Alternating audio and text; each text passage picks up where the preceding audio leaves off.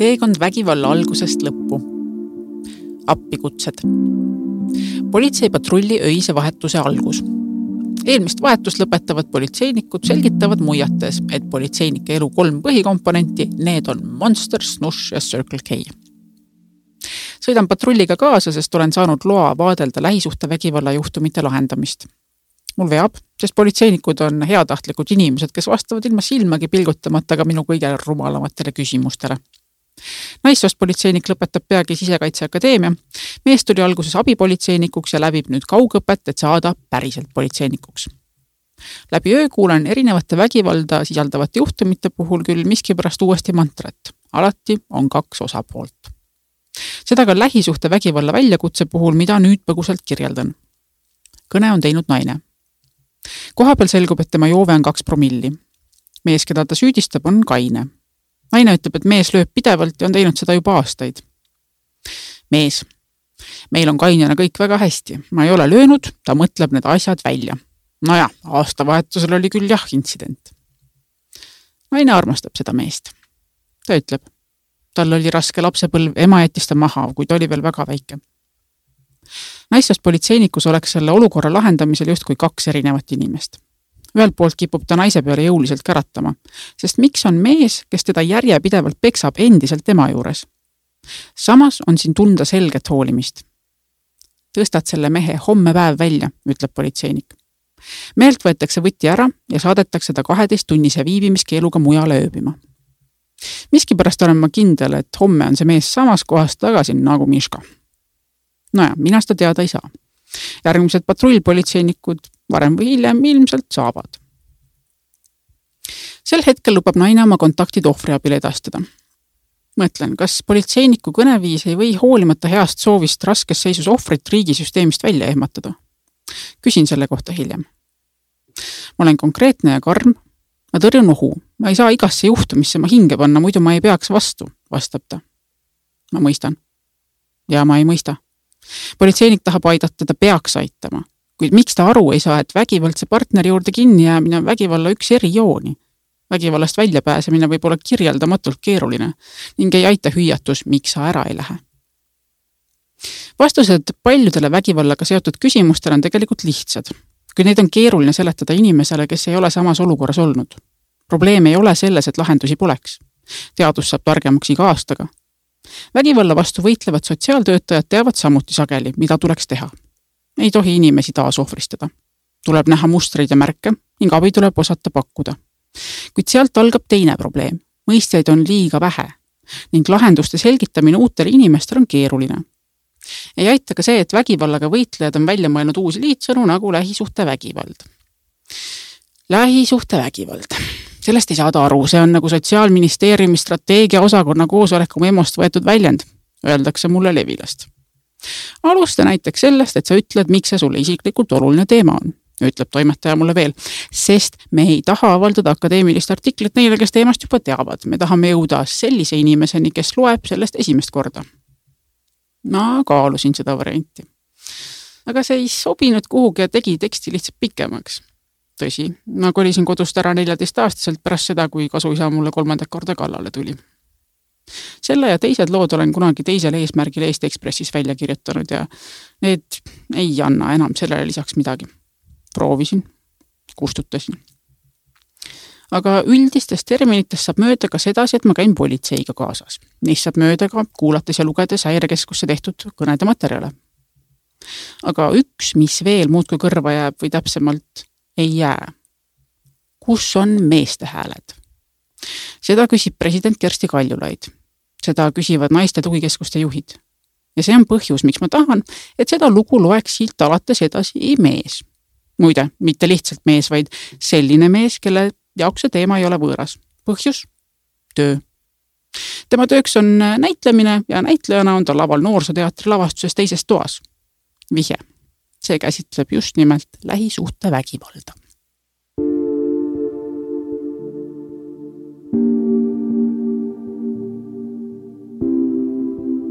Tere, mina olen Sander ja mina olen täna puuduva meeshääle rollis ma ei tahaks, et see lugu oleks kuidagi mõjusam, sest seda loeb mees. aga mina ei ole neid reegleid teinud. niisiis lugu jätkub kirjeldusega ühest kõnest hädaabi numbril üks, üks, kaks. tsiteerin. tere, ma lõikasin naisel kõri läbi. mees palub kiirabi. veel üks hädaabikõne kirjeldus.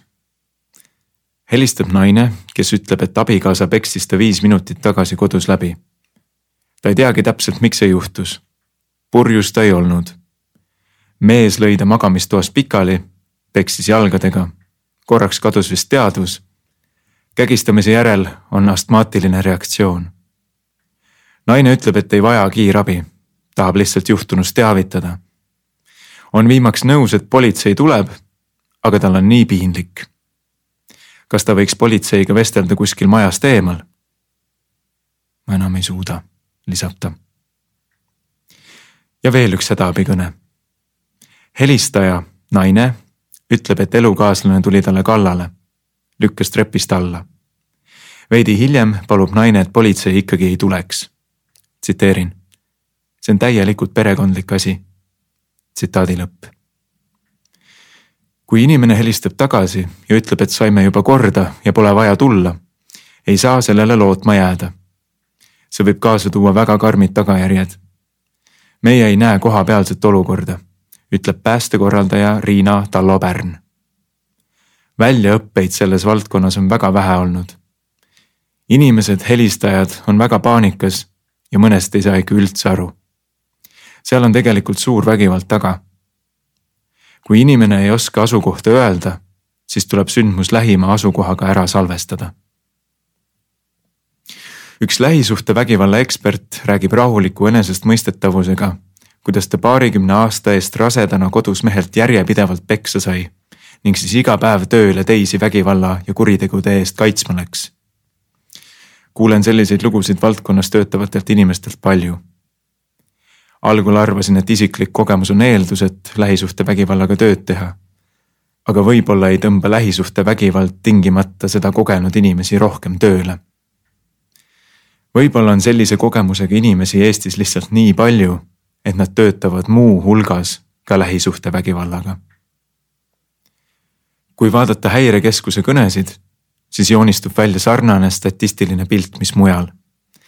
mehed on enamasti vägivallatsejad, naised ohvrid. mis aga kõnedest veel välja kostab? purjus inimesi, kelle puhul ei ole aru saada, kes on ohver ja kes vägivallatseja. tülpinud häälega naabreid kes on samadele inimestele kutsunud politseid kümneid kordi, ilma et midagi pikemas plaanis muutuks. lapsi, kes tahavad samal ajal päästa üht vanemat ja kaitsta teist, sest hoolimata kõigest armastavad nad mõlemat. Politseipatrulli liikmeid, kellega kaasa sõidetud vahetuste jooksul rääkisin, ühendab päästekorraldajatega selgelt suur missioonitunne ja soov inimesi aidata selle tööga rikkaks ei saa. küll aga kaasneb sellega palju stressi. nii et vist üsna loogiline tehe. teine ühendav asjaolu on põhjalikumate teadmiste puudumine lähisuhtevägivalla kohta. Politseinikud puutuvad oma töös lähisuhtevägivallaga palju kokku. sageli korduvalt ühes ja samas kohas, samade inimeste kaudu. see, kuidas olukordi lahendatakse tuleneb suuresti isiklikest kogemustest, aga mitte teadmisest, kuidas vägivallamustrid töötavad. kui politseinikud ei tea kaitsemehhanisme enda hoidmiseks, võivad nad läbi põleda, kulutades lõputult energiat ja mõnikord ka isiklikku töövälist aega. rakendusliku antropoloogia keskuse lähisuhtevägivalla hoiakute raportis kirjeldab üks politseiuurija olukorda, kus väga noor ema jäi täiesti omapäi politseinik suhtles turvakoduga, aitas CV keskuse kaudu tööd otsida ning lapsele lasteaiakoha leida. Tüdruk tuli kahe nädala pärast tagasi, ütles, et tal on elukoht, tal on töökoht, laps tagasi ja lasteaiakoht. senini tal ei olnud mitte kedagi, ta kannatas lihtsalt selle mehe juures. tal oli lihtsalt vaja kedagi, kes korraks aitaks. see on õnneliku lõpuga lugu, vähemasti siiamaani aga kui palju samas olukorras noori tüdrukuid jääb abita, sest läheduses pole sellist politseiuurijat. Või on politsei uurijad mattunud nii suure töökuhja alla, et ei ulatu selle tagant tüdrukut nägema. või ei klapi tüdruk arusaamaga heast ohvrist. kord kirjeldas üks politseinik mulle vägistamisjuhtumit, viidates, et see polnud ju päris vägistamine. osapooled olid purjus ja noored ja peenist ei olnud mängus, sõrmed vaid. ja ka teist olukorda. kaks purjus inimest seksivad ühel hetkel tõmbab mees kondoomi ära ja põrutab edasi. naine helistab, et vägistamine. aga mis vägistamine see on? küsiksin teistpidi. kuidas saab seks sellisel moel, millega üks osapool ei nõustu, olla muud kui vägistamine? uuringutes, mis käsitlevad vägistamisohvreid õigussüsteemis, on täheldatud ootust niinimetatud ideaalsele ohvrile ta on moraalselt ja seksuaalselt vooruslik, ettevaatlik, mitte provokatiivne ning tema tunnistustes puuduvad vastuolud. ideaalne ohver osutab vastupanu. tema kehal on füüsilised vigastused ning ta ei tunne vägistajat. ohvritele on ülioluline, et neid usutaks ega jagataks hinnanguid. näiteks, kas purjus ja lühikese seelikuga vägistatu tunneb, et politsei on tema poolel vahepeal ei saagi praeguse seadusandluse puhul menetlust edasi viia. see ei pruugi olla õiglane.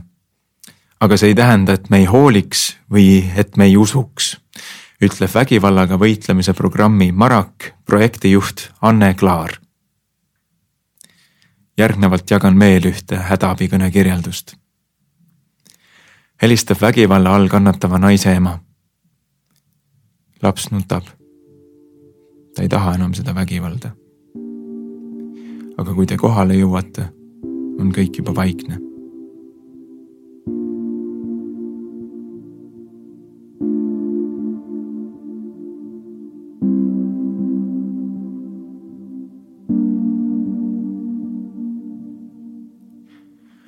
aeglane rühkimine arusaamise suunas. võime muidugi proovida rääkida numbrite keeles. lähisuhtevägivald maksab riigile ropult kahe tuhande viieteistkümnenda aasta arvutuste järgi üle saja kuueteistkümne miljoni euro. viimane hinnang on aga juba üks koma üks miljardit eurot.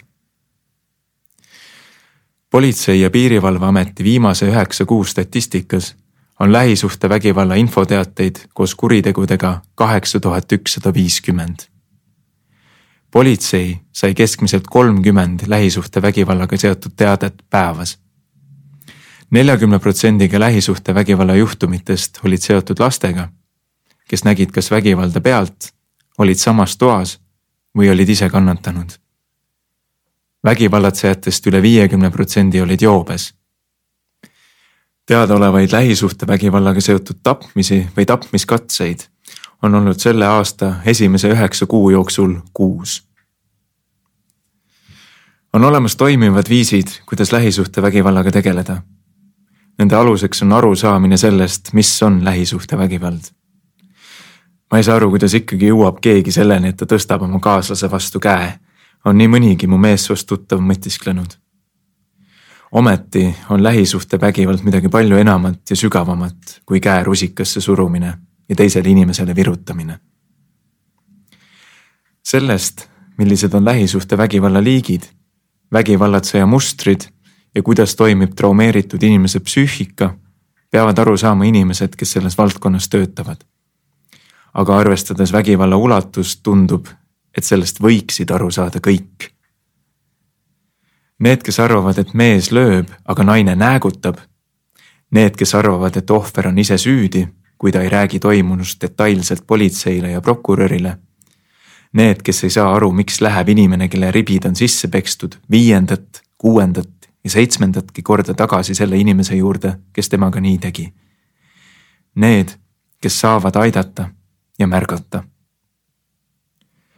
vägivallatsejad on enamasti mehed, aga ka naised võivad olla oma elukaaslaste suhtes vägivaldsed.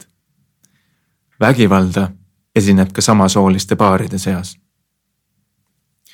justiitsministeeriumi juhendmaterjalis perevägivalla ennetamiseks ja vähendamiseks tuuakse välja, et naiste poolt kasutatav vägivald erineb oluliselt meeste vägivallast nii raskusastme, motivatsiooni, tagajärgede kui ka situatsiooniliste tegurite poolest. meeste vägivald on oluliselt tõsisem. Nad kasutavad rohkem raskemat füüsilist vägivalda. naiste vägivald on pigem vaimne ning enamasti reaktsioon stressi või frustratsiooni korral või enesekaitse mehe vägivaldsuse puhul.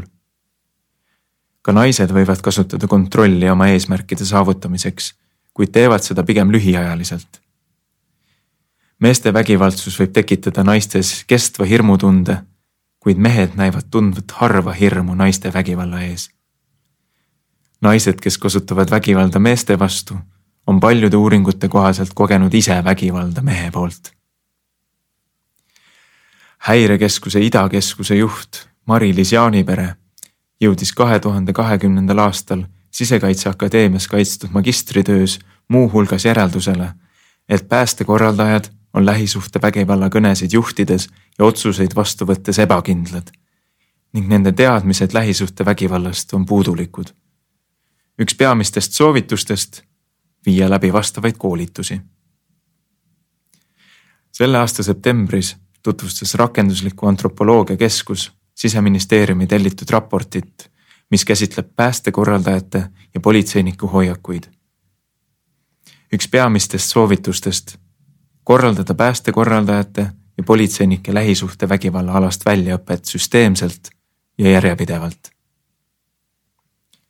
häirekeskuse koolitustes ega Sisekaitseakadeemia päästekorraldaja erialal ei puudutata teemat siiani kuigivõrd häirekeskuse arendusosakonna politsei ja päästevaldkondade juhtivekspert Krislin Tigase nendib, et viimastel aastatel on häirekeskuses läinud aur muule. koroonakriis ja uued ohuhinnangud. lisaks on häirekeskus hädas hoopis sellega, et hulk päästekorraldajaid on töölt lahkunud ning Sisekaitseakadeemia kaks konkurssi sellele erialale on läbi kukkunud.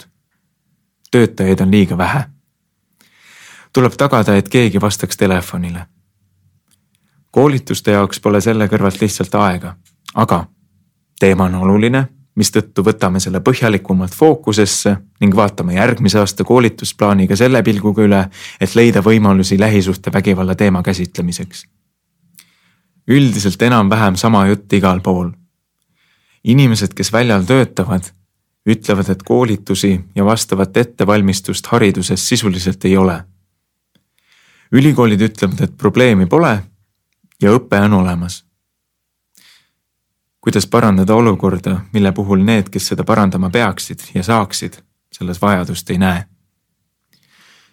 politseikadetid, kellega räägin, nendivad, et praegu on lähisuhtevägivald vaid piirkonna politseinikuks spetsialiseeruvate õppurite kavas ja sedagi vähesel määral sisekaitseakadeemia politsei ja piirivalve kolledži direktor Kristjan Jaani kahtlustab aga, et õppurid pole kas valikainet valinud või tunnis piisavalt tähelepanu pööranud. kadetid nii kutse kui ka kõrgharidusõppes läbivad esimesel õppeaastal lähisuhtevägivallaga seotud teooriatunde ja praktilist õpet. sest kahe tuhande kahekümnendast aastast on see teema kõigis politsei õppekavades sees. tsiteerin lähisuhtevägivald on kutseõppes piirkondliku politseitöö valikaine ja küllaltki suurte ainepunktidega, mistõttu enamik kadette sellega valib. seal räägitakse lähisuhtevägivalla liigid üsna põhjalikult lahti.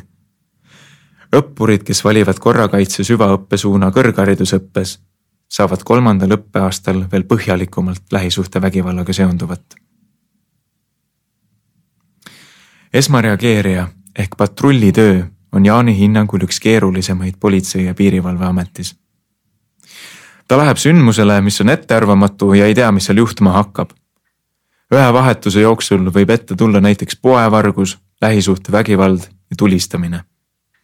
meie kadett jõuab pärast aastast õpet esimesele praktikale, kus on tõenäosus puutuda kokku ka lähisuhtevägivalla sündmusega. nüüd on väga oluline roll praktika juhendajal kui koolis on olnud teoorialoengud, simulatsioonid, ülevaade riski hindamisest ja ennetusvõrgustikust, siis praktikal toimub teema kinnistumine juhendaja kaasabil. Jaani ütleb, et õppe lähtealus on selles, et rohkem tunde kulub nendele teemadele, mis on ainult ja vahetult politsei ülesanne. see tähendab menetlus, jõu kasutamine ja muu selline. Valdkonnad, kus võrgustik on suurem, ongi ülevaatlikumad. politsei on seal esmase reageerija või partnerina, ütleb ta. aga lähisuhtevägivalla puhul on muidugi esmane reageerija see, kelle suhtumisest suure tõenäosusega sõltub, kas ohver ülejäänuteni üleüldse jõuab. hoiak juhtunusse on äärmiselt oluline. Jaani ise end lähisuhtevägivalla eksperdiks ei pea, küll aga peab seda suureks probleemiks. ma ei oska sõnadessegi panna, kui oluline see on. lähisuhtevägivalla väljakutseid on väga palju ja me saame täna aru, et seotud on ka lapsed, eakad inimesed paljud teised. politseinikud, kellega räägin, ütlevad, et Sisekaitseakadeemia õppest ei ole reaalses töös kasu. päriselt õpib ikkagi patrullis, praktikal. Jaani pole sellise hinnanguga nõus. tsiteerin. me võitleme siin müütidega, mida politseiametnikud omavahel räägivad ja levitavad. akadeemias anname baasväljaõpet, teooriat. kui kadett on teooria kätte saanud siis ta asubki seda reaalses töös tõlgendama, kohandama praktikaga. aga need ei ole kaks erinevat asja, vaid terviksüsteem. teooria ja praktika ei saa olla üksteisest eraldi, ainult koosmõjus tekib õige ja kõige parem lahenduskäik. uurin tulevaste politseinike ja päästekorraldajate hariduse tähtsuse kohta ka sotsiaaldemokraadist siseministrilt Lauri Läänemetsalt ta ütleb, et siseministeeriumis suhtutakse teemasse väga tõsiselt. seepärast tellitigi politseinike ja päästekorraldajate hoiakuid kajastav raport. olen pannud nii Sisekaitseakadeemia kui PPA juhtkonnale südamele, et mõlemas asutuses võetaks tõsiselt murekohti ja soovitusi äsja ilmunud uuringus, aga ka õppurite, töötajate igapäevast tagasisidet asutuste sees kohtumised õppekavade täiendamiseks ja juba valdkonnas töötavate inimeste toetamiseks on kokku lepitud. Läänemets toob välja, et puudujääke on ka kohalike omavalitsuste ja Sotsiaalministeeriumi ning nende partnerite koostöös. Politsei tegeleb ikkagi peamiselt tagajärgedega. aga põhjused, miks inimesi oma koduste vastu häält või kätt tõstma panevad, võivad peituda väga laial ja pikal süvenenud probleemide spektril. lähisuhtevägivald ei piirdu tavaliselt ühekordse ilminguga, vaid on süsteemne vastaspoole hävitamine. samamoodi peab olema süsteemne ka võitlus ja ennetus lähisuhtevägivalla vastu. Õppekavade puhul ei saa piirduda Sisekaitseakadeemiaga koole, kus lähisuhtevägivalla alane õpe on eluliselt oluline, on mõistagi veel ka neis pole lood kiita. võtame näiteks õigusteaduskonna, kust tulevad tulevased prokurörid, advokaadid, kohtunikud. Tartu Ülikooli õigusteaduse karistusõiguse osakonna kriminoloogiateadur Anna Markina on üks inimestest, kes on seisnud selle eest, et lähisuhtevägivald oleks õppekavades. eraldi kohustuslik õppeaine ei pruugi aga Markina hinnangul õppekavade piiratud mahte arvestades parim lahendus olla. tsiteerin. isiklikult arvan, et viljakam on läbi mõelda, et lähisuhtevägivalla temaatika oleks aineülene.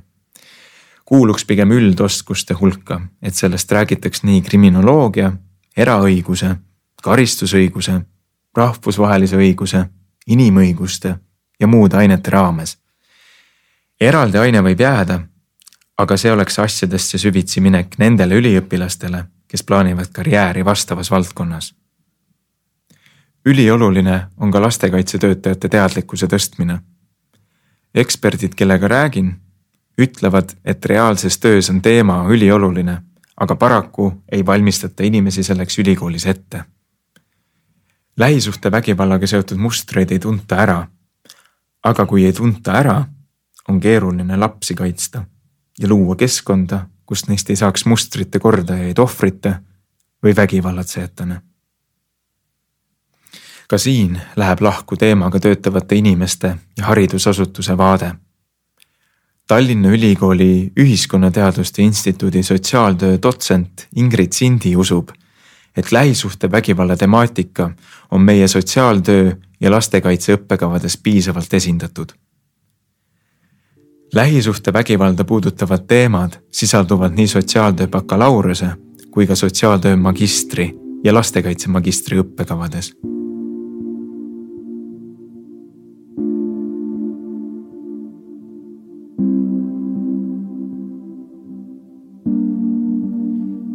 nüri harilik pliiats. lähisuhtevägivald tundub kuritegu nagu kuritegu ikka. keegi on mölakas ja tuleb vangi panna ja mis seal ikka, eks. võid ju mõelda, et mis neil naistel viga on, andku mehed kohtusse ja asi ants, kirjeldab Jevgeni Ossinovski levinud hoiakut. aga mis sellega kaasneb? lapsed kannatavad igal juhul. seal taga majanduslikud suhted ja paljud muud ma olen suhelnud inimestega, kes valdkonnas töötavad ja kohtunud ka ohvritega. lähisuhtevägivald on asi, mida ei saagi ainult teoreetiliselt käsitleda. teadmise annab praktiline kokkupuude. praegu on Ossinovski Riigikogu Sotsiaaldemokraatide fraktsiooni esimees, aga kahe tuhande seitsmeteistkümnendal aastal oli ta Eesti tervise- ja tööminister ühtlasi üks osa sellest, kuidas Eesti riik jõudis uue tugikeskuste süsteemini. miks just lähisuhtevägivald? see oli nii minule kui erakonnale oluline. üks valitsuse liige ütles kunagi, et see teema pole poliitiliselt seksikas. seda ta ei ole jaa. aga ta on niivõrd oluline, et sellega mitte tegelemine ei olnud variant, sõnas Ossinovski riigil pidi tekkima ühtsem arusaam, kuidas selliste teenustega tegeleda, milline peab olema kvaliteet.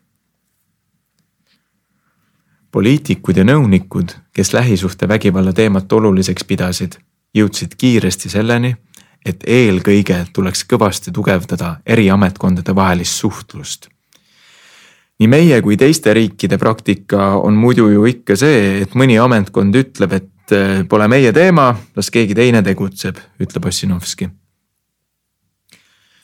kahe tuhande seitsmeteistkümnendal aastal valmis ohvriabi seadus. selle uus abi kättesaadavust parandav versioon tuli välja kahe tuhande kahekümne kolmanda aasta alguses. Põhjamaade fondide abil oli võimalik alustada süsteemsemat tegevust lähisuhtevägivalla ohvrite aitamisega. tugikeskusi juhtisid suure südamega inimesed aga üsna minimalistlikus vormis pakutud teenus oli maakonniti väga erinev. sotsiaalkindlustusameti abiga hakati uut süsteemi looma, meenutab Ossinovski. Pärnu ja Saaremaa naiste tugikeskuse juht Margo Orupõld ning Põlvas ja Tartus tegutseva naiste tugi- ja teabekeskuse juht Pille Tsoppagan on keskusi juhtinud enne reformi, pärast reformi ja jätkavad tööd ka nüüd tugikeskusteni jõutakse kõikvõimalikul moel, peamiselt otse helistades, aga ka politsei, ohvriabi, psühholoogide, EMO ja perearstide kaudu. õigusteaduskonnas on õppejõude, kes on tulnud rääkima, arvamusfestivalil on ligi astutud, kooliõpetajad on helistanud, kui neil on arenguvestlused, mõni ema, kelle lapsega on palju probleeme, kukub ära ja selgub, mis selle taga tegelikult on tööandjad on ise inimese käe kõrval toonud. pärast trenni on saunas rääkima tuldud, loetleb Auru Põld. ta liigub Pärnus palju ringi. tema lühikest halli poisipead tuntakse hästi ja ta näebki sellises suhtluses üht oma töö osa.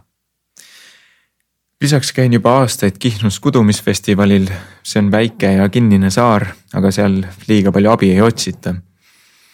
koon seal aeg-ajalt kuuri taga päike paistab peale, inimesed tulevad. pealinnas on tal olnud jutuajamise kõrgel kohal ja tuntud nimedega naistega. Nemad ei jõua kindlasti kuhugi mujale statistikasse.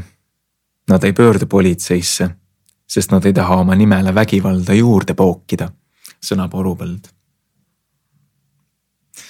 pöördumine on alles esimene samm enamik inimesi piirduvad seejärel ühe kuni kolme nõustamisega inimestel on vaja infot, et talt ei võeta lapsi ära. et ta ei ole tegelikult loll, kuigi teda on aastaid lolliks tembeldatud. kõige rohkem rõõmu tunneb ta nende inimeste üle, kes jätkavad tugikeskuse abil pikemat teekonda. Neid inimesi on ehk kümme kuni viisteist protsenti. Nemad teevad endaga pikka tööd, nemad teavad kõiki põhjuseid, miks nad midagi teevad ja nad ei lähe vägivaldsesse olukorda tagasi.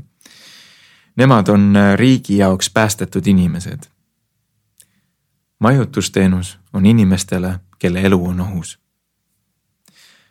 aga mehed? see on üks kahest küsimusest, mida pea alati küsitakse, kui tugikeskuste töötajad mõnel konverentsil esinevad. teine on, aga miks naine siis näägutab? Pärnu tugikeskuses võetakse nõustamisele vastu ka mehi. see on avalik info tugikeskuse teenuse osutamisel ei tee me absoluutselt vahet, ütleb Orupõld. keskuse neljateistkümne tegutsemisaasta peale saab sinna pöördunud mehed kokku lugeda kahe käe sõrmedel. kes on käinud, on info kätte saanud ja edasi läinud. palju räägitakse stigmadest, mis takistavad meest pöördumast. aga mehega on samuti nagu naisega inimesele saab abi anda, kui ta on selleks valmis. meie peame lihtsalt pildis olema sel hetkel, kui ta otsustab, et vajab seda. ühe võimaliku põhjusena, miks mehi vähe pöördub, toob Orupõld hoopis vägivalla olemusliku vahe. mehed tunnetavad rohkem vaimset vägivalda. see jätab suure jälje, aga ei tekita surmahirmu. naine tunneb surmahirmu ja see paneb tegema järgmist liigutust hiljuti lõppes tugikeskuste hange järgmiseks kolmeks aastaks. tugikeskuste juhtidega rääkides jääb kõlama, et süsteem on, nõudmised on, aga mida ei ole, on piisav rahastus. hanketingimused on sellised, et meile anti nüriharilik pliiats, aga sellega tuleb joonistada värviline maailm, sõnab Urupõld.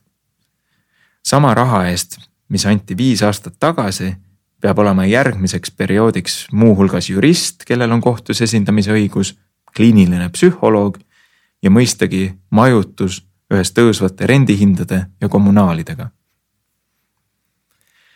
Pillet Soppagan ütleb, et nii Tartu kui Põlva tugikeskused on igal aastal umbes viiekümne tuhande euroga miinuses. puudujäävat raha tuleb käia erinevate projektitaotluste kaudu otsimas projektirahastusi otsib pidevalt ka Pärnu ja Saaremaa tugikeskus. Jeesusele anti üks leivapäts ja toitis sellega küla ära. aga meie nii ei oska, ütleb Orupõld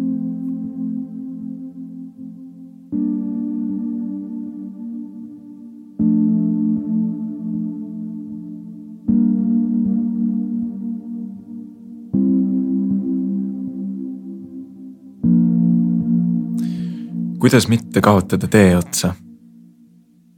järgneb kirjeldus ellujääjalt. mees, kes mind peksis, on prestiižne riigiametnik. ka mina olen riigiteenistuja. olin üheksa aastat peksa saanud, kui tegin lõpuks hädaabikõne.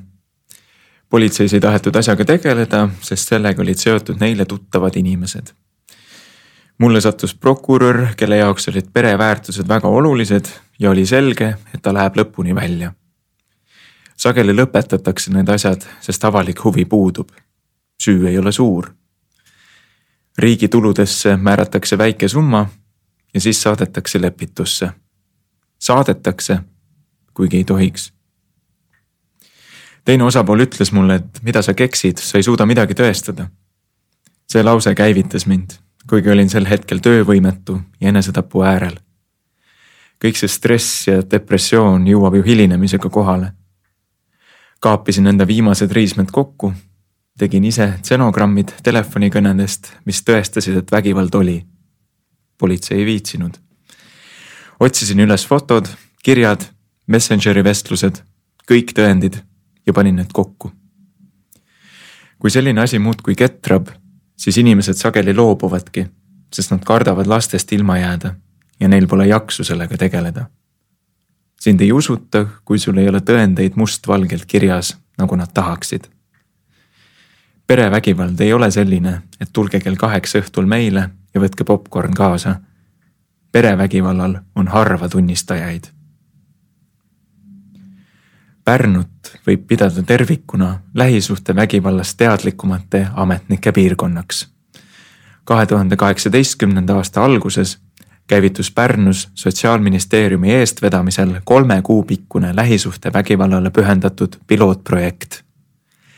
lisaks politseile ja ohvriabile kaasati lastekaitse, linnavalitsuse sotsiaalosakond, Sotsiaalministeerium ja Justiitsministeerium.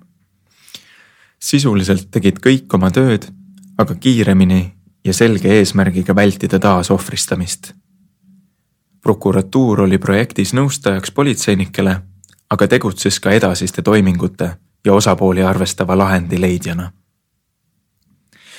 viis aastat hiljem olen töövarjuks Pärnu prokuratuuri abiprokurörile Maarja Gustavsonile, kelle jaoks on lähisuhtevägivald üks peamisi töövaldkondi. Maarja Gustavson lõpetas õigusteaduse bakalaureuse, asus seejärel tööle politseiuurijana ja tegi selle kõrvalt ka magistrikraadi ta alustas uurijana lähisuhtevägivalla teemadel ja nüüdseks on sellest saanud tema peamine valdkond ja südameasi. päeva jooksul kohtan menetlusruumis erinevaid inimesi, kelle lood on üsna sarnased.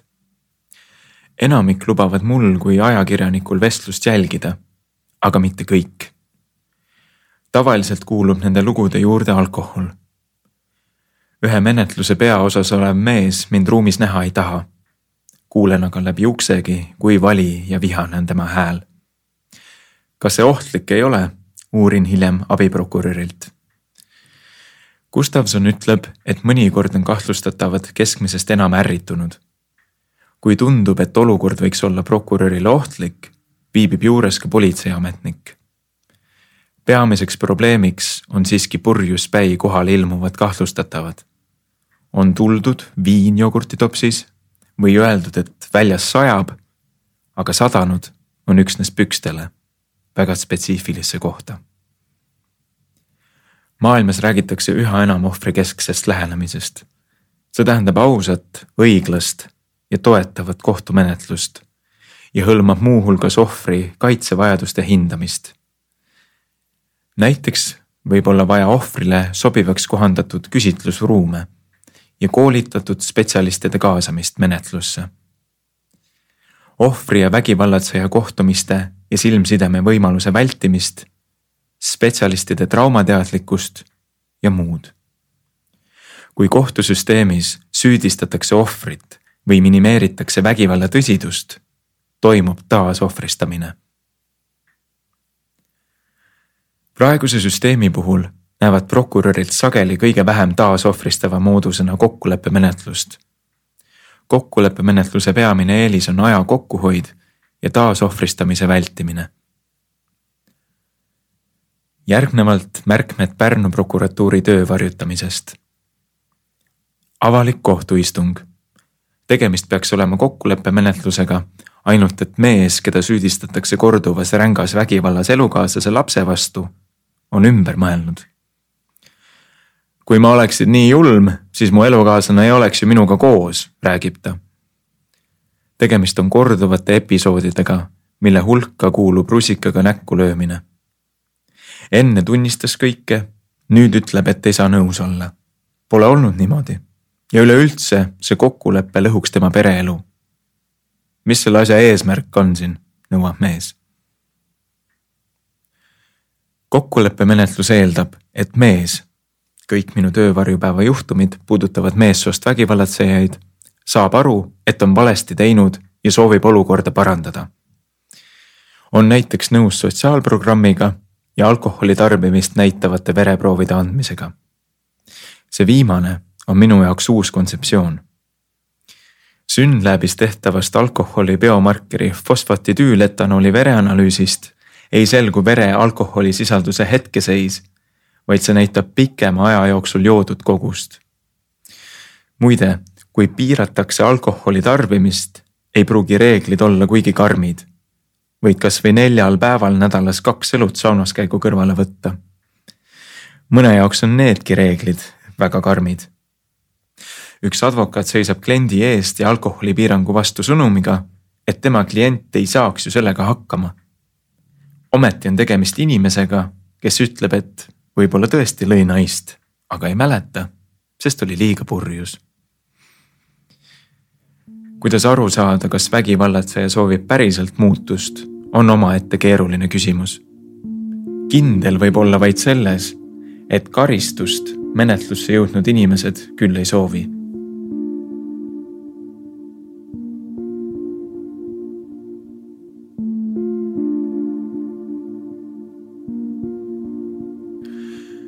rajakohtunikud, kes ei tea isegi, kuhu tee viib. järgneb taas ellujääja kirjeldus. minu tsiviil- ja kriminaalasjad olid paralleelselt kohtunike käes, aga keegi ei arvestanud omavahel midagi. eeldatakse, et kui tsiviilasjaga paralleelselt on ka kriminaalasi, siis see on ema kius isa vastu. keegi ei öelnud mulle, mis tegelikult kohtus juhtuma hakkab mina teadsin vaid, et minuga räägib prokurör ja vastan ta küsimustele. ma ei teadnud, et teise poole kaks advokaati tulistavad ja pussitavad mind sõnadega. nii tsiviil kui kriminaalasjade puhul sõltub palju kohtunikust. mul oli laste hooldusõiguse asi. kohtunik laiutas käsi ja küsis, mida te minust tahate. ma olen ju ainult jurist. Te peate ise kokku leppima. kui me oleks saanud ise kokku leppida siis me poleks ju seal. ringkonnakohtu istungil värisesin nii, et ei suutnud veepudelitki hoida. kui istung sai läbi, hakkasin lihtsalt nutma, sest pinge oli nii suur.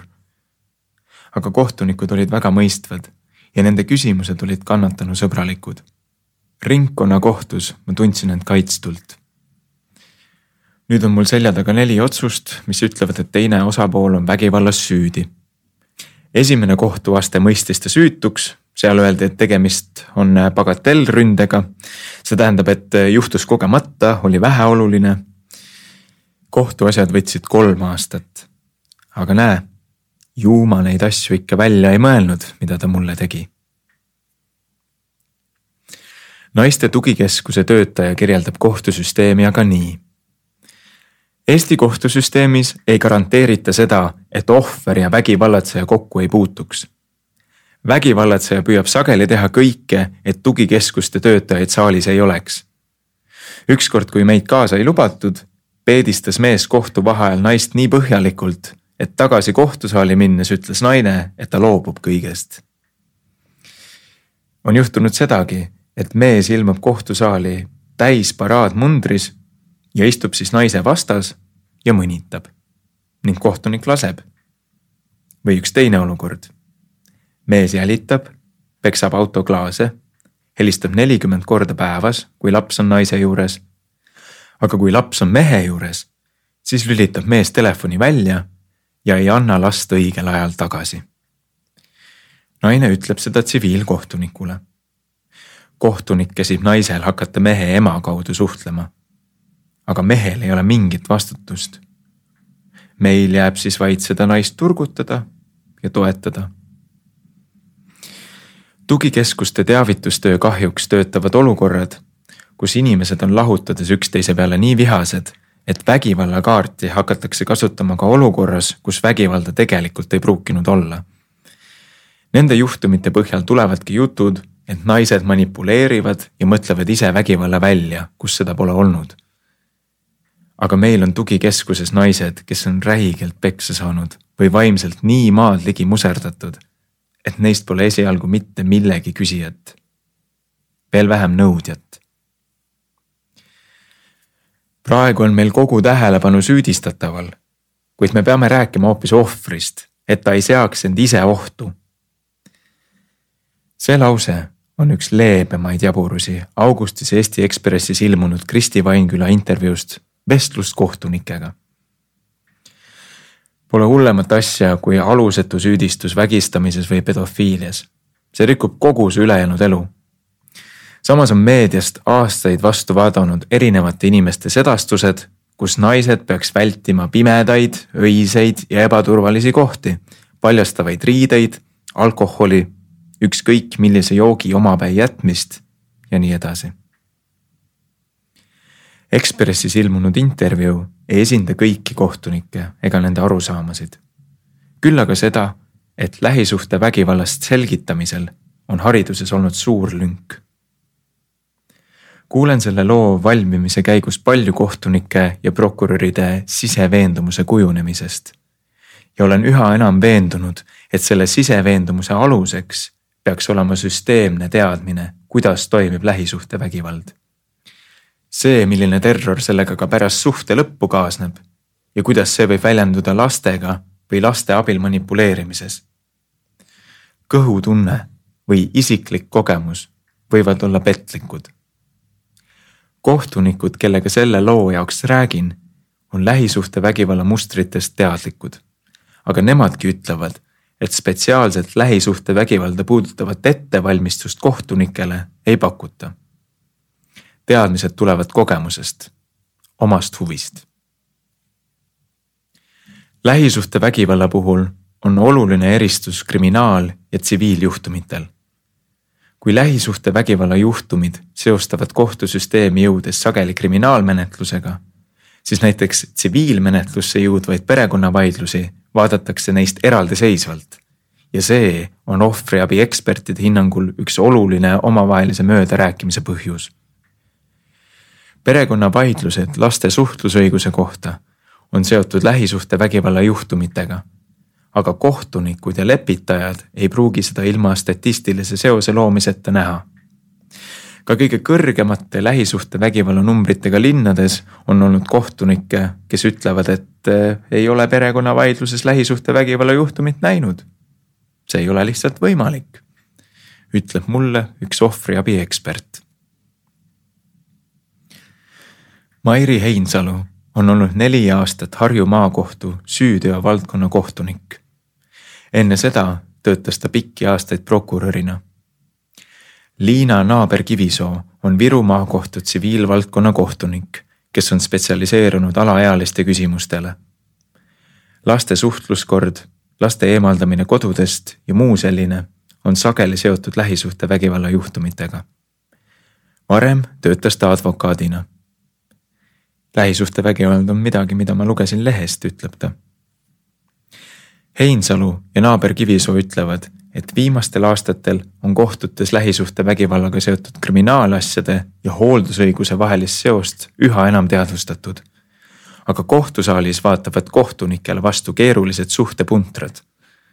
kui süüdistused vägivallas tulevad alles siis, kui tsiviilmenetlus on alanud, küsivad kohtunikud endalt, kas ohver on viimaks valmis rääkima või on nende kaebuste taga soov iga hinnaga õigus enda poolele saada naaber Kivisoo toob välja, et ka trauma tekitab võitlusvaimu ja agressiivsust. kohtusaalis on mõlemad osapooled agressiivsed ja mina pean aru saama, kes on algataja. kas ema on saanud kannatada ja on ohvrina agressiivne või ema provotseerib isa. Oleme läinud ohvriabiga vaidlema, sest nemad näevad, et enamasti on kannatanud naised. aga mina näen kohtusaalis ka mehi nii mustvalge see maailm ei ole, kui mulle üritatakse selgitada. teadlikkus lähisuhtevägivallast on oluline. kui näiteks kannatanu, enamasti naine, on kohtusaalis ebakindel, närviline ja ei suuda kõike meenutada, siis ma tean, et see on loomulik. Kogu füüsilise vägivalla juures on enamasti ka vaimne vägivald ja lisaks majanduslik sõltuvus see kõik on tavaliselt kestnud pikemat aega, enne kui naine üldse politseisse jõuab sõnab Heinsalu. sageli meenuvad ohvril tasapisi paljud eelnevad episoodid, mille puhul ta pole politseisse ja meditsiiniasutustesse pöördunud. see ei tähenda, et neid asju poleks olnud, aga kohtusse jõudes on ta toimunust juba täiesti läbi.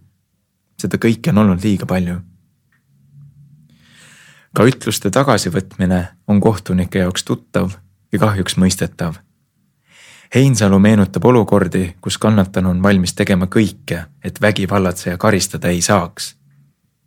prokuratuuri ajast mäletan olukorda, kus naine sai kodus kõvasti peksa, mees vägistas ta, kohal käisid politsei ja kiirabi. algul rääkis ta ära, kuidas see juhtus, aga hiljem hakkas kõike eitama. See tõi naisele kaasa valeütluste andmise süüdistuse. meie ju nägime, miks ta ütlused vastupidiseks muutis, aga ühtki tõendit meil selle kohta ei olnud. erandkorras lõpetasime naise suhtes menetluse oportuniteediga Heinsalu toob aga ka näite, kus kannatanu muutunud soovidega arvestamine tundub talle tagantjärele põhjendatud.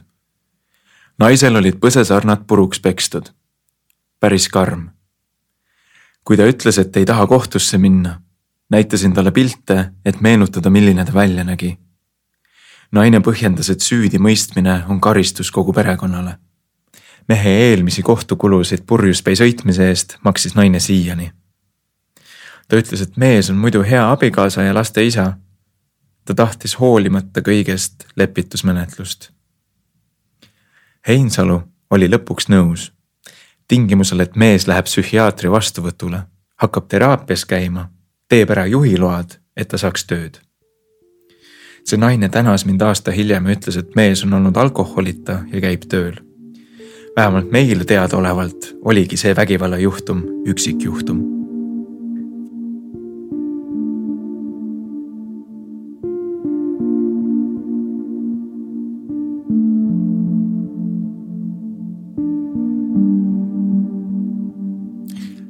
kirik, kas värskendav vahepeatus või hoopis lõks?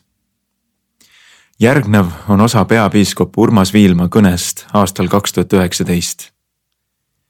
ei ole põhjust vaielda selle üle, kas usklik inimene võib olla oma lähedaste suhtes vägivaldne või kas seda suudab olla ka mõni pastor, preester või õpetaja. mingit õigustust sellistele tegudele piiblist otsida oleks küüniline see oleks vastupidine kuulutus sellele, mida Kristus tegi, õpetas või meil kõigil ligimestega suheldes teha käskis. vägivald ja armastus ei käi käsikäes. vastupidi, vägivald annab tunnistust armastuse puudumisest. Pärnu ja Saaremaa naiste tugikeskuse juht Margo Orupõld ütleb, et viimasel ajal on tal olnud palju noori kliente, kes on kristlikust kodust kus nad on kannatanud räige füüsilise ja seksuaalse vägivalla all. peks ja seks nende peal olevat olnud meeleparandus ja kingitus Jumalale. Neil noortel on mitmekordsed suitsiidikatsed ja nad kõik on varakult kodust lahkunud, ütleb ta. mõned on välismaale läinud. traumeeritud on nad kõik. Nende aitamine on väga keeruline, sest väärtusmaailm on paigast ära Nad ei usalda oma kõige lähedasemaid inimesi ja ei usalda maailma. Neil ei ole midagi, mis on püha ja millele toetuda. lood, kus vägivallatseja kasutab kirikut vägivalla põhjendamiseks või kus kirikuõpetaja saadab vägivallast rääkima tulnud naise tagasi koju meelt parandama, on kurvad, aga mitte haruldased. Eesti Evangeelse Luterliku Kiriku peapiiskop Urmas Viilma ei ole vägivalla olemasolu osas sinisilmne. kirik tegeleb lähisuhtevägivalla märkamisega. lähisuhtevägivalla teemadel on ka Viilma ise korduvalt sõna võtnud. ELK Diakoonia ja Ühiskonnatöö Sihtasutuse all tegutsevad perekeskused, kus tegeletakse perenõustamisega. samuti olid neil kunagi vägivaldsetele meestele suunatud koolitused ja seminarid, toob Viilma näite. eriti populaarsed on PREP paarisuhte koolitused, mida viib teiste seas läbi tuntud meedianägu Hannes Hermaküla. lisaks on ELK-l koostöö PPA-ga, mis on jäänud kestma Elmar Vaheri ajast. leppisime uue peadirektori Egert Belitševi ja PPA peakaplani Valdo Lustiga kokku, et koostöö lähisuhtevägivalla parema märkamise suunal kirikus jätkub ka edaspidi ning püüame meie vaimulikke koolitada kuidas reageerida lähisuhtevägivalla kahtluse puhul oma koguduse liikmete seas ning millised on need tunnused, millest lähisuhtevägivalda ära tunda. Viilmaal on samas hingele jäänud mitu küsimust, millele ta vastuseid pole saanud. ta on olnud kirjavahetuses Eero Epneriga aastate taguse lähisuhtevägivalla loo Sest nad saavad kirjutamise aegu ja naiste tugi- ja teabekeskuse juhi Pille Zopp-Paganaga peamiselt sel teemal, et eakate vastu suunatud lähisuhtevägivalda ei käsitleta avalikkuses kuigi palju. ja laste vastu suunatud lähisuhtevägivalla puhul ei taheta teha soopõhist statistikat. või vähemalt ei avaldata seda, täpsustab Viilma.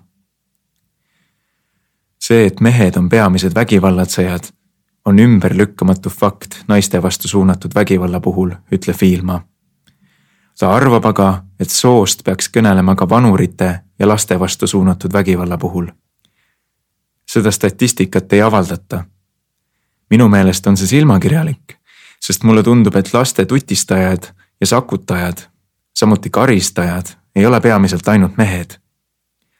nagu kaldun arvama, et eakalt vanurilt ei ole teleripulti, pangakaarti või raadiot käest ära võtnud ainult ja peamiselt meessoost lapsed ja lapselapsed ta on sel teemal kunagi Postimehesse artikligi kirjutanud, ent spetsialistidelt vastuseid ei tulnud. minu oletuste kinnituseks ja ümberlükkamiseks pole mul kahjuks tõendeid, sest soopõhine avalik statistika kaob pildilt endiselt kohe, kui hakatakse rääkima laste ja eakate vastasest vägivallast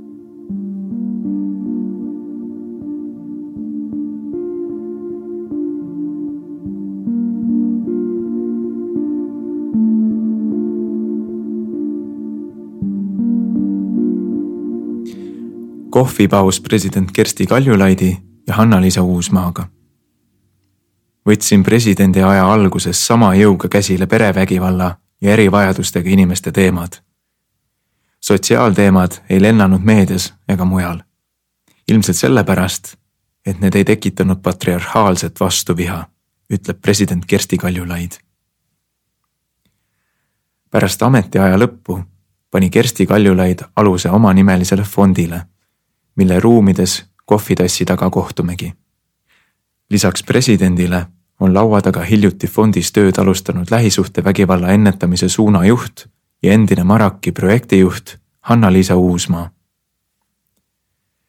presidendina sai Kaljulaid politseilt palju briife lähisuhtevägivalla kohta. kõige suurem kuritegude liik, millest raporteeritakse, ongi perevägivald tema sõnavõttudel on olnud oluline osa Eesti ühiskonna hoiakute muutmisel.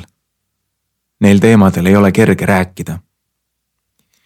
mõnikord, kui sõidad rattaga ja ihukaitset pole sel päeval kaasas, siis kuuled kogu seda möla, kus selgitatakse, et kurat, vitud on siin riigis käest läinud ja sina oled ainuisikuliselt vastutav. sellised reaktsioonid kindlasti pärsivad inimesi rääkimast ja kus on üleüldse kõik meessoost ajakirjanikud, kes neil teemadel sõna võtaks? nii jõuline toetus kui valulised vastureaktsioonid on Kersti Kaljulaidile ainult hoogu juurde andnud. fond tegeleb mitmete eri suundadega, uute võimalustega, kuidas erasektor ja kolmas sektor võiksid panustada. sellega, kuidas normaliseerida ettevõtete jaoks lähisuhtevägivalla märkamist seda, et inimesed saaksid koduste probleemide korral ka personaliosakonda rääkima minna ja sealt tuge saada. Eesti paistab Euroopa Liidu riikide hulgas silma seepoolest, et lähisuhtevägivalla teema on peamiselt riigi rahastada. selleks, et muutused toimuksid, peavad vastutuse võtma ka ettevõtted, tööandjad, põhimõtteliselt igaüks meist. paljudes riikides on paljuski kaasatud ka erakapitali sest üheti ei saagi riik üksi nii suure probleemiga tegeleda. teisalt on aga oluline kodanikuvastutuse tekkimine. lähisuhtevägivalda on Eestis nii palju, et see puudutab pea iga eestlast. Hanna-Liisa Uusmaa. ülekoormatus ametkondades on suur ja kui keegi lahkub, lahkub ta sageli kogu teadmisega viimase viie-kuue aasta jooksul on olnud riigiasutuste koostöös suur edasiminek näiteks Maraki laua taga töötavad igakuiselt kõrge riskiga ohvri kaitseks koos ohvriabi, prokuratuur, politseinikud, naiste tugikeskused, lastekaitsjad ja teised. uus ohvriabiseadus võimaldab viimaks ka andmeid ja statistikat vahetada. Marak on ehk edulugu, kus on veel väga palju arenguruumi. kui Marakid on jõudnud nii kaugele, et ollakse kannatanu poole näoga ja valdavalt mõistetakse üksteist, siis paraku lõpeb see hetkel sageli kohtusaalis, kus raske vägivalla mõistmiseks on hoopis teised alused. Kersti Kaljulaid. aga patriarhaalne vastuviha on üle läinud ja Janek Mägi ei küsi enam avalikult, kas lähisuhtevägivald on üldse teema. ometi ei teata siiani probleemi ulatust. siiani on palju olukordi, kus kõigile spetsialistidele on selge, et lapsi kasutatakse ema vastu ära. Aga keegi ikka raiub, et isal on ka õigus lapsi näha ja see on kõige olulisem. Hanna-Liisa Uusmaa. Maraki tööga sai selgeks, mida võib vägivald inimese psüühikaga teha. see laastab. ajukeemia ja füüsis on sõna otseses mõttes katki. laastab ka lapsi, kes seda pealt näevad. selle juures võid sa olla kasvõi naissoost tippjuht ja ikkagi ei suuda sa sellest keskkonnast välja tulla. Paljud spetsialistid, kohtuni välja, ei pruugi sellisest traumaseisundist aru saada. sealhulgas sellest, et kõrge riskiga kannatanud lähevad keskmiselt kaheksa korda suhtesse tagasi. kõiki selliseid asju tuleb teadvustada. Kersti Kaljulaid. nagu ka seda, et peresisene vägistamine on ka vägistamine seda ust me pole isegi avanud. Aga tervikpilt on väga keeruline. kui suudad inimesteni viia mingid kaasused, mis on tiba keerulisemad, kui et pätt tuli põõsast ja vägistas, alles siis saame edasi minna. Hanna-Liisa Uusmaa. tegelikult me ei suuda veel ilmselgest kaugemale minna. kõik algab hoiakutest. Kersti Kaljulaid mul on Eesti tööturul kolmkümmend aastat kogemust ja üheksakümnendatel tuli ikka kõvasti võidelda, et sind ei taandataks objektiks. Neid lugusid oli lõputult, kus oleks olnud loogiline minna kuhugi ühe autoga, aga ei saa, sest tead, et see kolleeg näpib ju. mind on Euroopa institutsioonideski hoiatatud nii voliniku kui parlamendiliikme eest, kellega üksi õhtus sööma minna ei maksa ma ei pidanud üheksakümnendate keskel neid asju kuidagi ebanormaalseks. Mul olid lihtsalt kujunenud välja oma töövõtted, kuidas nendega toimetada. näiteks avalikustamine. tänases päevas olen saanud kindlasti palju targemaks. aga kui palju on meil neid naisi tänasel tööturul, kes ei näe ohumärke, vaid peavad ahistamist kohmakaks lähenemiskatseks see, kas keegi ahistab kolleegi või peksab kodus naist, on sama asja erinevad otsad enamasti on need mehed, kes ei austa naiste enesemääramisotsust. Hanna-Liisa Uusmaa. suur mure on inimestega, kes näevad vägivalda kõrvalt ja ei sekku. ma olen näinud, kuidas mõned ohvriabitöötajad on andnud lisaks tööle ka isiklikul tasandil endast kõik ja inimene läheb ikka vägivaldsesse suhtesse tagasi. ka aitajad peavad õppima, kuidas usku iseendasse mitte kaotada ja olla valmis see inimene kahe kuu pärast uuesti vastu võtma. kui ta siis tuleb, on see märk, et aitajad on tõelised professionaalid. kui inimene kuuleb etteheiteid nagu miks sa läksid siis, siis ta tagasi ei tule. halvimal juhul ei otsigi enam abi. Kersti Kaljulaid. kui reaalsed vägivallajuhtumid jõuavad kohtutesse, siis laiutatakse sageli käsi ei ole midagi teha, ohver ju ei tunnista, et sai peksa.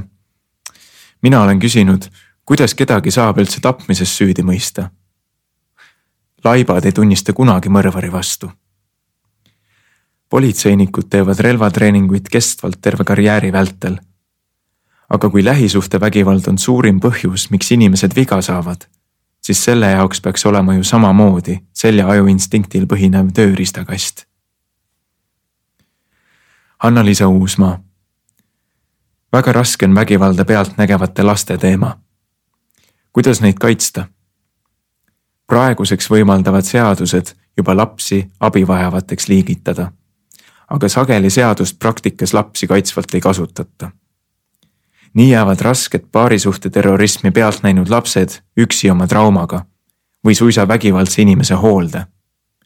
säilib põlvest põlve edasi kanduv ränk trauma ja laastav vägivallaring. traumateadlik lähenemine peaks sellistel puhkudel tõesti olema teadmine abistajate seljaaju tasandil. aga kas praktikas on see nii? julgen kahelda. lisaks on ühiskonnas endiselt kehtiv stereotüüp, et perevägivald on mingi ühiskonnakihi probleem. tegelikult ei tunne vägivald hariduslikku ega majanduslikku olukorda. Ühtmoodi uhked peksupiirkonnad on nii Lasnamägi kui Viimsi. on küll ehk erinevad võimudünaamikad, mis mängivad. edukamatel inimestel ja sotsiaalselt keerulisemal järel olevatel inimestel on ehk erinevad strateegiad ja erinevad vahendid. aga see seisund, milleni inimesed viiakse, on samad.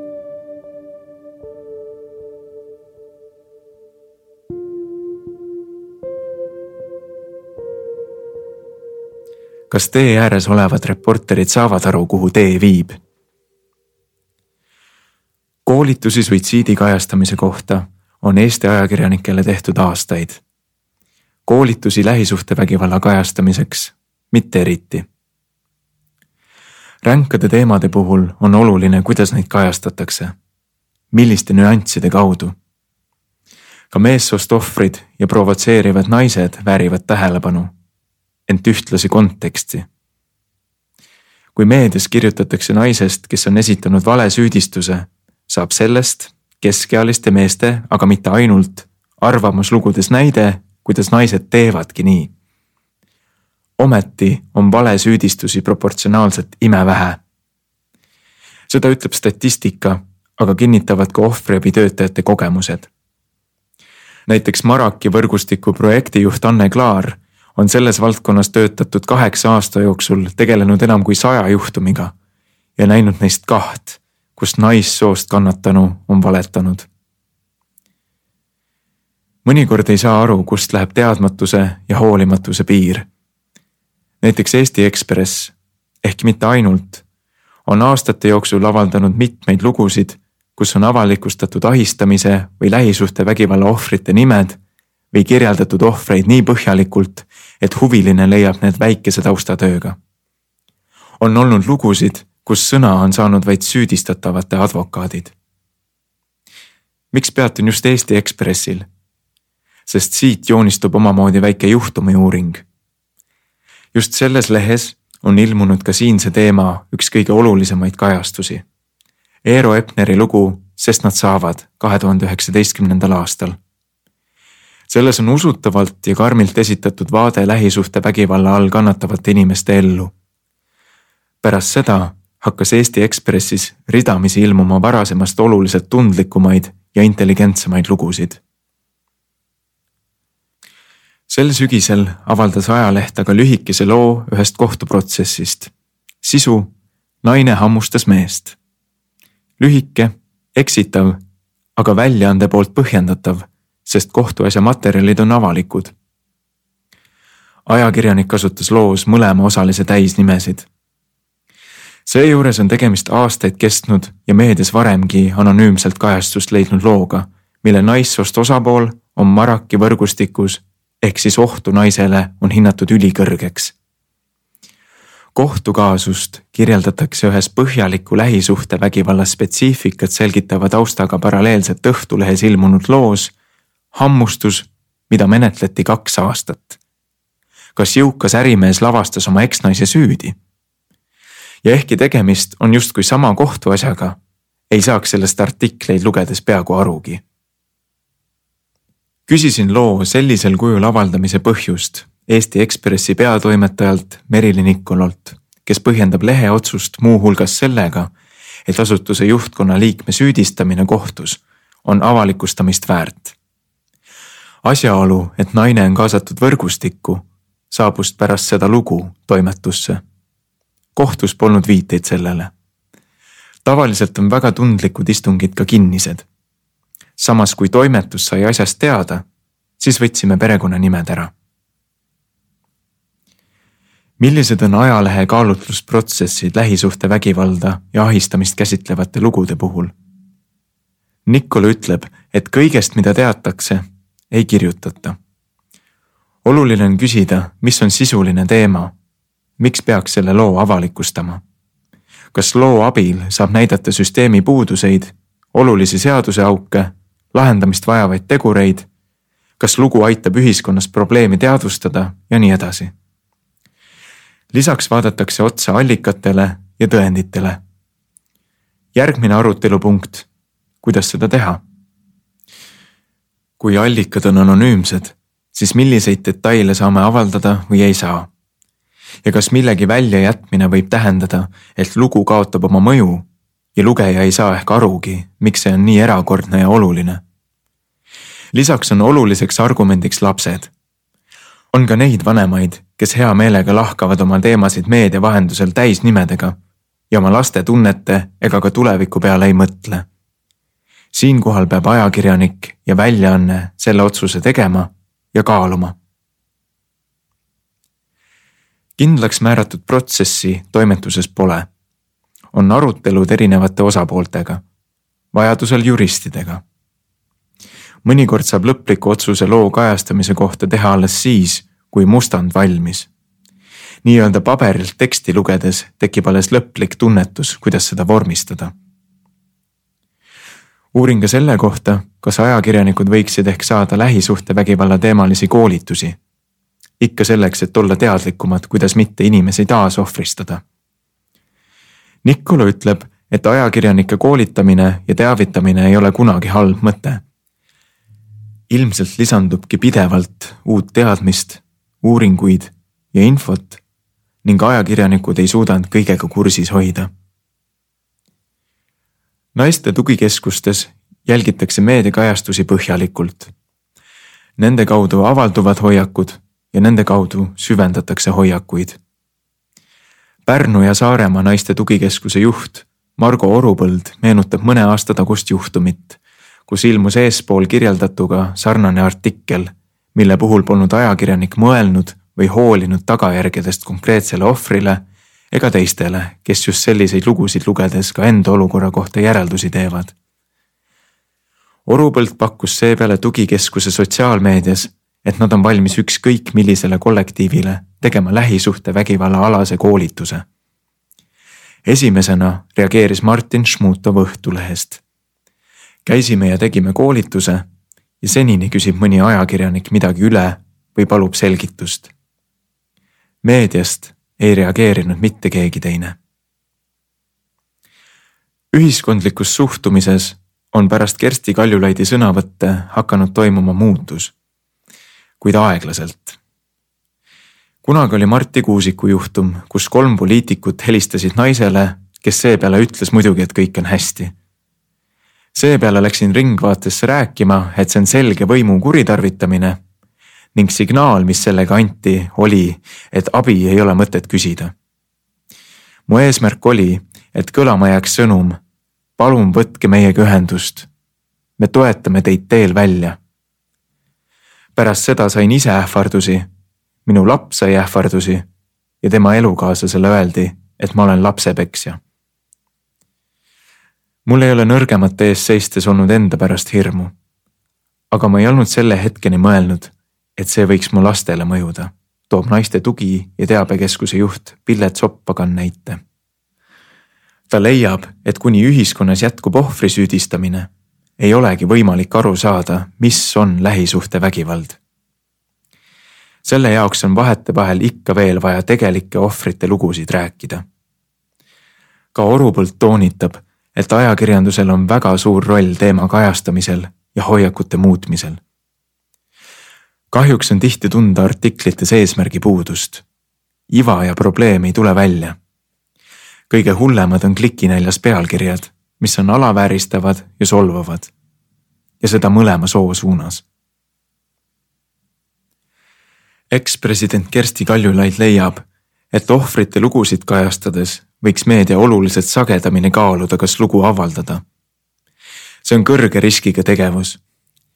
Kui avalikustamine ei vii menetluseni, siis võib see viia ohvri jaoks väga ohtliku olukorrani.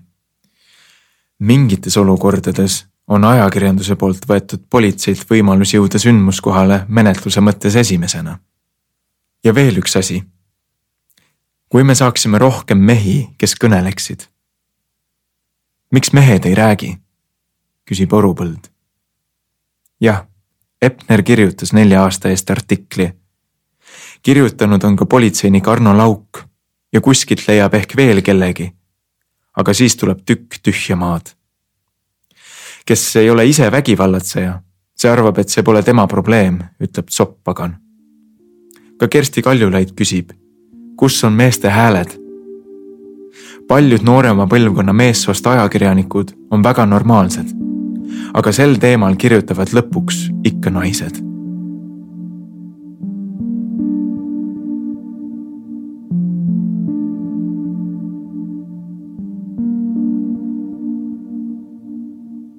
mis paistab silmapiiril? üks riigiameti töötaja, kellega suhtlen, ei mõista, milles ma praeguse süsteemi puhul probleemi näen. lähisuhtevägivalla ekspertgrupp ja juhtgrupp on loodud. eksperdid saavad kokku korra kuu või paari jooksul. ministrid ja muud tähtsamad juhid korra aastas. infot vahetatakse, mõisteid ühtlustatakse ka statistikat on pealtnäha lõputult. nojah, statistikat ei saa omavahel küll sageli ühildada, sest erinevad asutused kasutavad erinevaid andmetöötlusprogramme. numbrid ei klapi ka sarnaste kategooriate puhul, sest küsitakse erinevaid asju. ja kahtlemata on ekspert ja juhtrühmad aidanud teemat edasi viia. ainult et rääkides inimestega, kes neisse ei kuulu selgub, et sageli ei jõua info asutuste sees esialgsest ringist palju kaugemale. ja siis on üks suur must auk. juhtumid, millest me ei tea. raportis politseinike ja päästekorraldajate hoiakute kohta selgub, et politseinikud ja päästekorraldajad ei ole kindlad, kas mehi saab pidada vägivaldsemaks kui naisi. teise läbiva selgitusena tuuakse intervjuudes välja meestevastase vägivalla stigmatisatsioon, mistõttu mehed annavad väga harva juhtunust teada. kahe tuhande üheksateistkümnendal aastal Euroopa Liidu liikmesriikides läbi viidud kuriteo ohvrite uuring ütleb, et kogetud vägivallajuhtumitest, mitte ainult lähisuhtevägivalla, teatas politseile vaid kolmteist protsenti Eesti inimestest. Euroopa keskmine näitaja oli kakskümmend protsenti mehed teavitavad seejuures viieteistkümnest protsendist vägivallajuhtumitest ja naised kaheteistkümnest protsendist juhtumitest. selle järgi võime öelda, me teame, et me suurt midagi ei tea. mitte, et mehed ei anna vägivallast teada, vaid peaaegu keegi ei anna. lähisuhtevägivald on tohutu probleem, aga selle probleemiga tegeletakse praegu on enamik tegevustest riigi käes ja riigil on tegevuskava. lisaks võiks probleemi lahendamine olla natuke ka minu käes, sinu käes, tema käes, meie tööandjate, naabrite, sugulaste ja sõprade käes. aitäh kõigile spetsialistidele, ekspertidele juhtidele, ministritele, analüütikutele ja teistele, kes on aasta jooksul jaganud oma mõtteid ja numbreid ning võtnud loo autori töö varjuks. kõik ei ole selles loos nimeliselt, kuid on olnud sellegipoolest suureks abiks probleemi ja selle võimalike lahenduste mõistmisel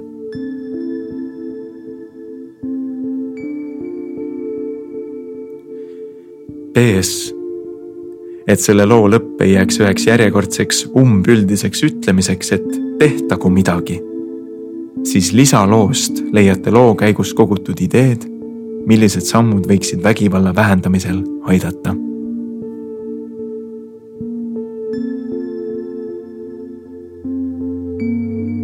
teksti autor Keiu Virro.